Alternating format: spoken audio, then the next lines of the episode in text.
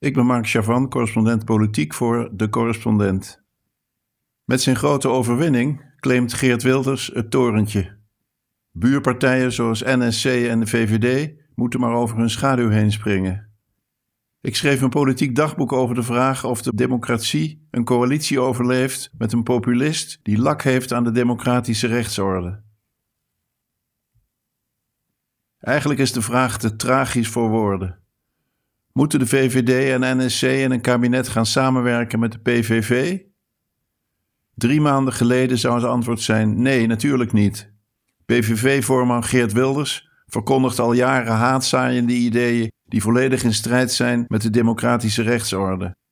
Hij is zonder berouw na een veroordeling wegens groepsbelediging.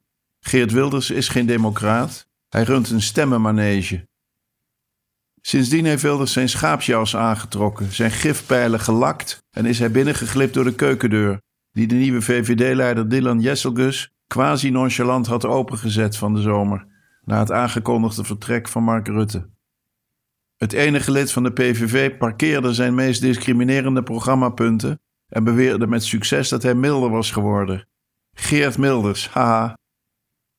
Dat hij in debatten zijn tegenstanders, met name Frans Timmermans, routinematig bleef uitschelden en bleef roepen over een asieltsunami en klimaathysterie, mocht de pret niet drukken voor al die kiezers die hem sterk vonden debatteren en op hem stemden nu hij milder zou zijn geworden. Het SBS-verkiezingsdebat betekende zijn populaire doorbraak. Dankzij de erkenning van de VVD kon hij opeens meedoen als reële protestoptie voor alle mensen die zich niet gehoord of gezien voelen. Hij schitterde, al zijn oude nummers klonken als nieuw en relevant, en hij maakte zich meester van de vacature protestbestemming goedgekeurd er vandaag Inside. Partijen moeten nu over hun schaduw heen stappen, zegt Wilders nu rap zonder een spoor van gêne of excuses. De meerderheid van de kiezers van de VVD en NSC vinden dat Jesselgus en Omzicht dat inderdaad moet doen. Onder het motto: het land moet worden bestuurd. En je kan die 2,5 miljoen PVV-stemmers toch niet negeren?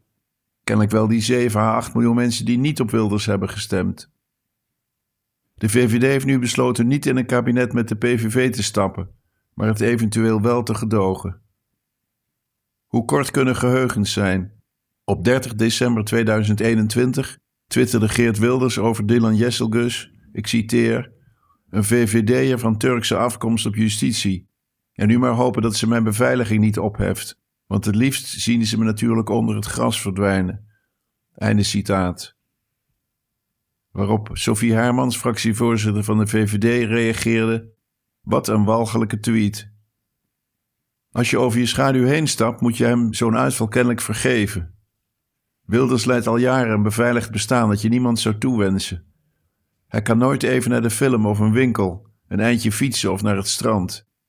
Zelfs als dat mede verklaart waarom haatdragend sarcasme zijn normale toonsoort is en discriminatie zijn politiek verdienmodel, is belediging nooit gerechtvaardigd.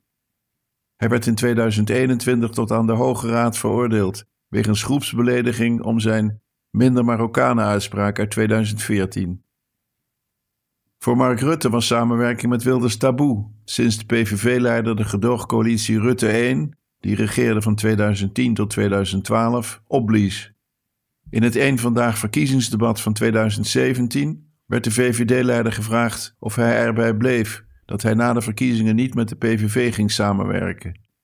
Absoluut, stelde Rutte die Wilders verweten te zijn weggelopen uit het katshuis in 2012 en de jaren sindsdien te zijn geradicaliseerd.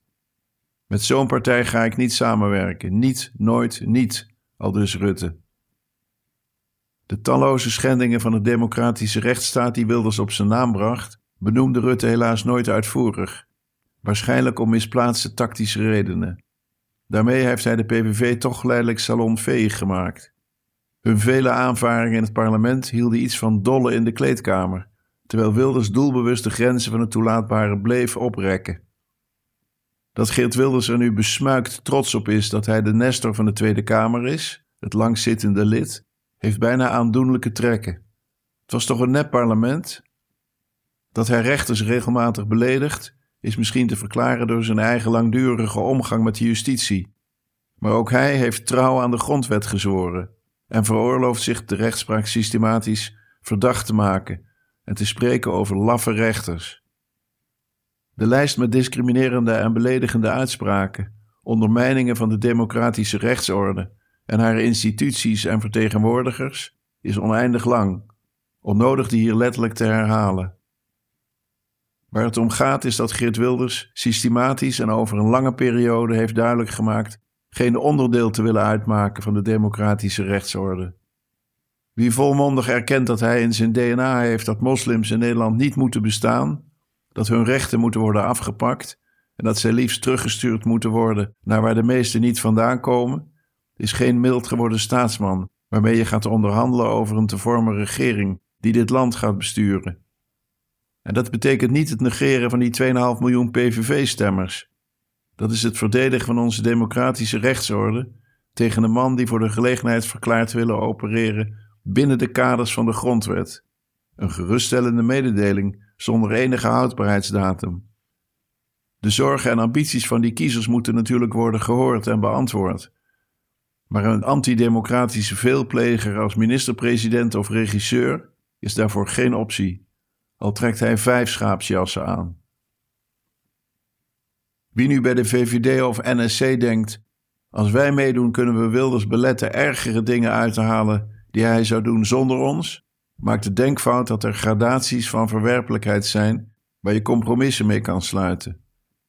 Door zich in zekere mate, ongetwijfeld kritisch, maar toch, te solidariseren met Wilders en de talenten die hij voor de kabinetsposten weet op te diepen uit zijn brede ledenbestand, maken zij haat en uitsluiting stapje voor stapje steeds een beetje gewoner.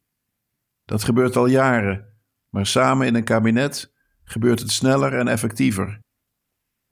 Om nog maar te zwijgen over de gevaarlijke idiotie van het buitenlandgedachtegoed van de PVV. Hij geeft Nederland terug aan de Nederlanders om het direct onveiliger te maken door uit de euro en de EU te stappen, de NAVO te verzwakken, Oekraïne te helpen verliezen en te heulen met Orbán, Poetin en Trump. Lekker samen onafhankelijk ten onder. Natuurlijk moeten de mensen in Ter Apel en Budel worden bevrijd van de overlast. Maar de asielcrisis is voornamelijk van binnenlandse makelij. Als de opeenvolgende VVD-staatssecretarissen de omvangketen niet steeds hadden laten verschrompelen zodra de instroom even terugliep, om vervolgens verrast en overvallen te zijn als er weer een toename is, dan was die hele opgefokte crisis er niet geweest. Maar dan had Mark Rutte afgelopen zomer van de nareismythe geen kabinetsbreuk alibi kunnen maken. Een verkiezingsthema waar hij Geert Wilders geen grotere dienst mee had kunnen bewijzen. Kennelijk kon de NAVO-campagne niet langer wachten. Timing is alles in de politiek. Rutte had lang genoeg gepresideerd over kabinetten die het verval van de democratische rechtsorde hebben gefaciliteerd, door de sociale grondrechten te verwaarlozen, door een incompetente overheid te leiden die niet heeft gezorgd voor een dak boven ieders hoofd, voor deugdelijk onderwijs voor iedereen en genoeg te eten en te besteden voor een fatsoenlijk bestaan. Het is lang niet alleen Rutte's schuld wat nu is gebeurd. Veertig jaar verwaarlozing van de publieke taken van de overheid hebben gezaaid wat Wilders nu oogst. Maar ook dat is geen reden nu maar in zee te gaan met het boegbeeld van een praktijk van grensoverschrijdende schending van de rechtsstaat. Gedogen is een lichter vergrijp dan meedoen, maar voor de rechtsstaat op termijn misschien erger. Het is waar door de rug recht te houden en te weigeren met Wilders in een coalitie te stappen, roepen de VVD en NSC de woede over zich af van de PVV-kiezers die boter bij de vis willen. Lastig uitleggen dat de democratische rechtsorde een groter goed is dan de grootste partij bij één Kamerverkiezing zijn zin geven. Toch moet het. Wat je kwijt bent aan democratische normen en waarden, krijg je niet zomaar weer terug. Bovendien, Laten die 2,5 miljoen kiezers er eerst maar eens een partij van maken. Met leden en een democratisch reglement. Met moties en kandidaatsverkiezingen. Ze hebben nu gestemd op het marketingvehikel van een nepdemocraat. De correspondent bestaat 10 jaar. Al 10 jaar maken wij journalistiek voorbij de waan van de dag. Journalistiek die niet polariseert, maar perspectief biedt die geen ophef najaagt, maar oplossingen zoekt.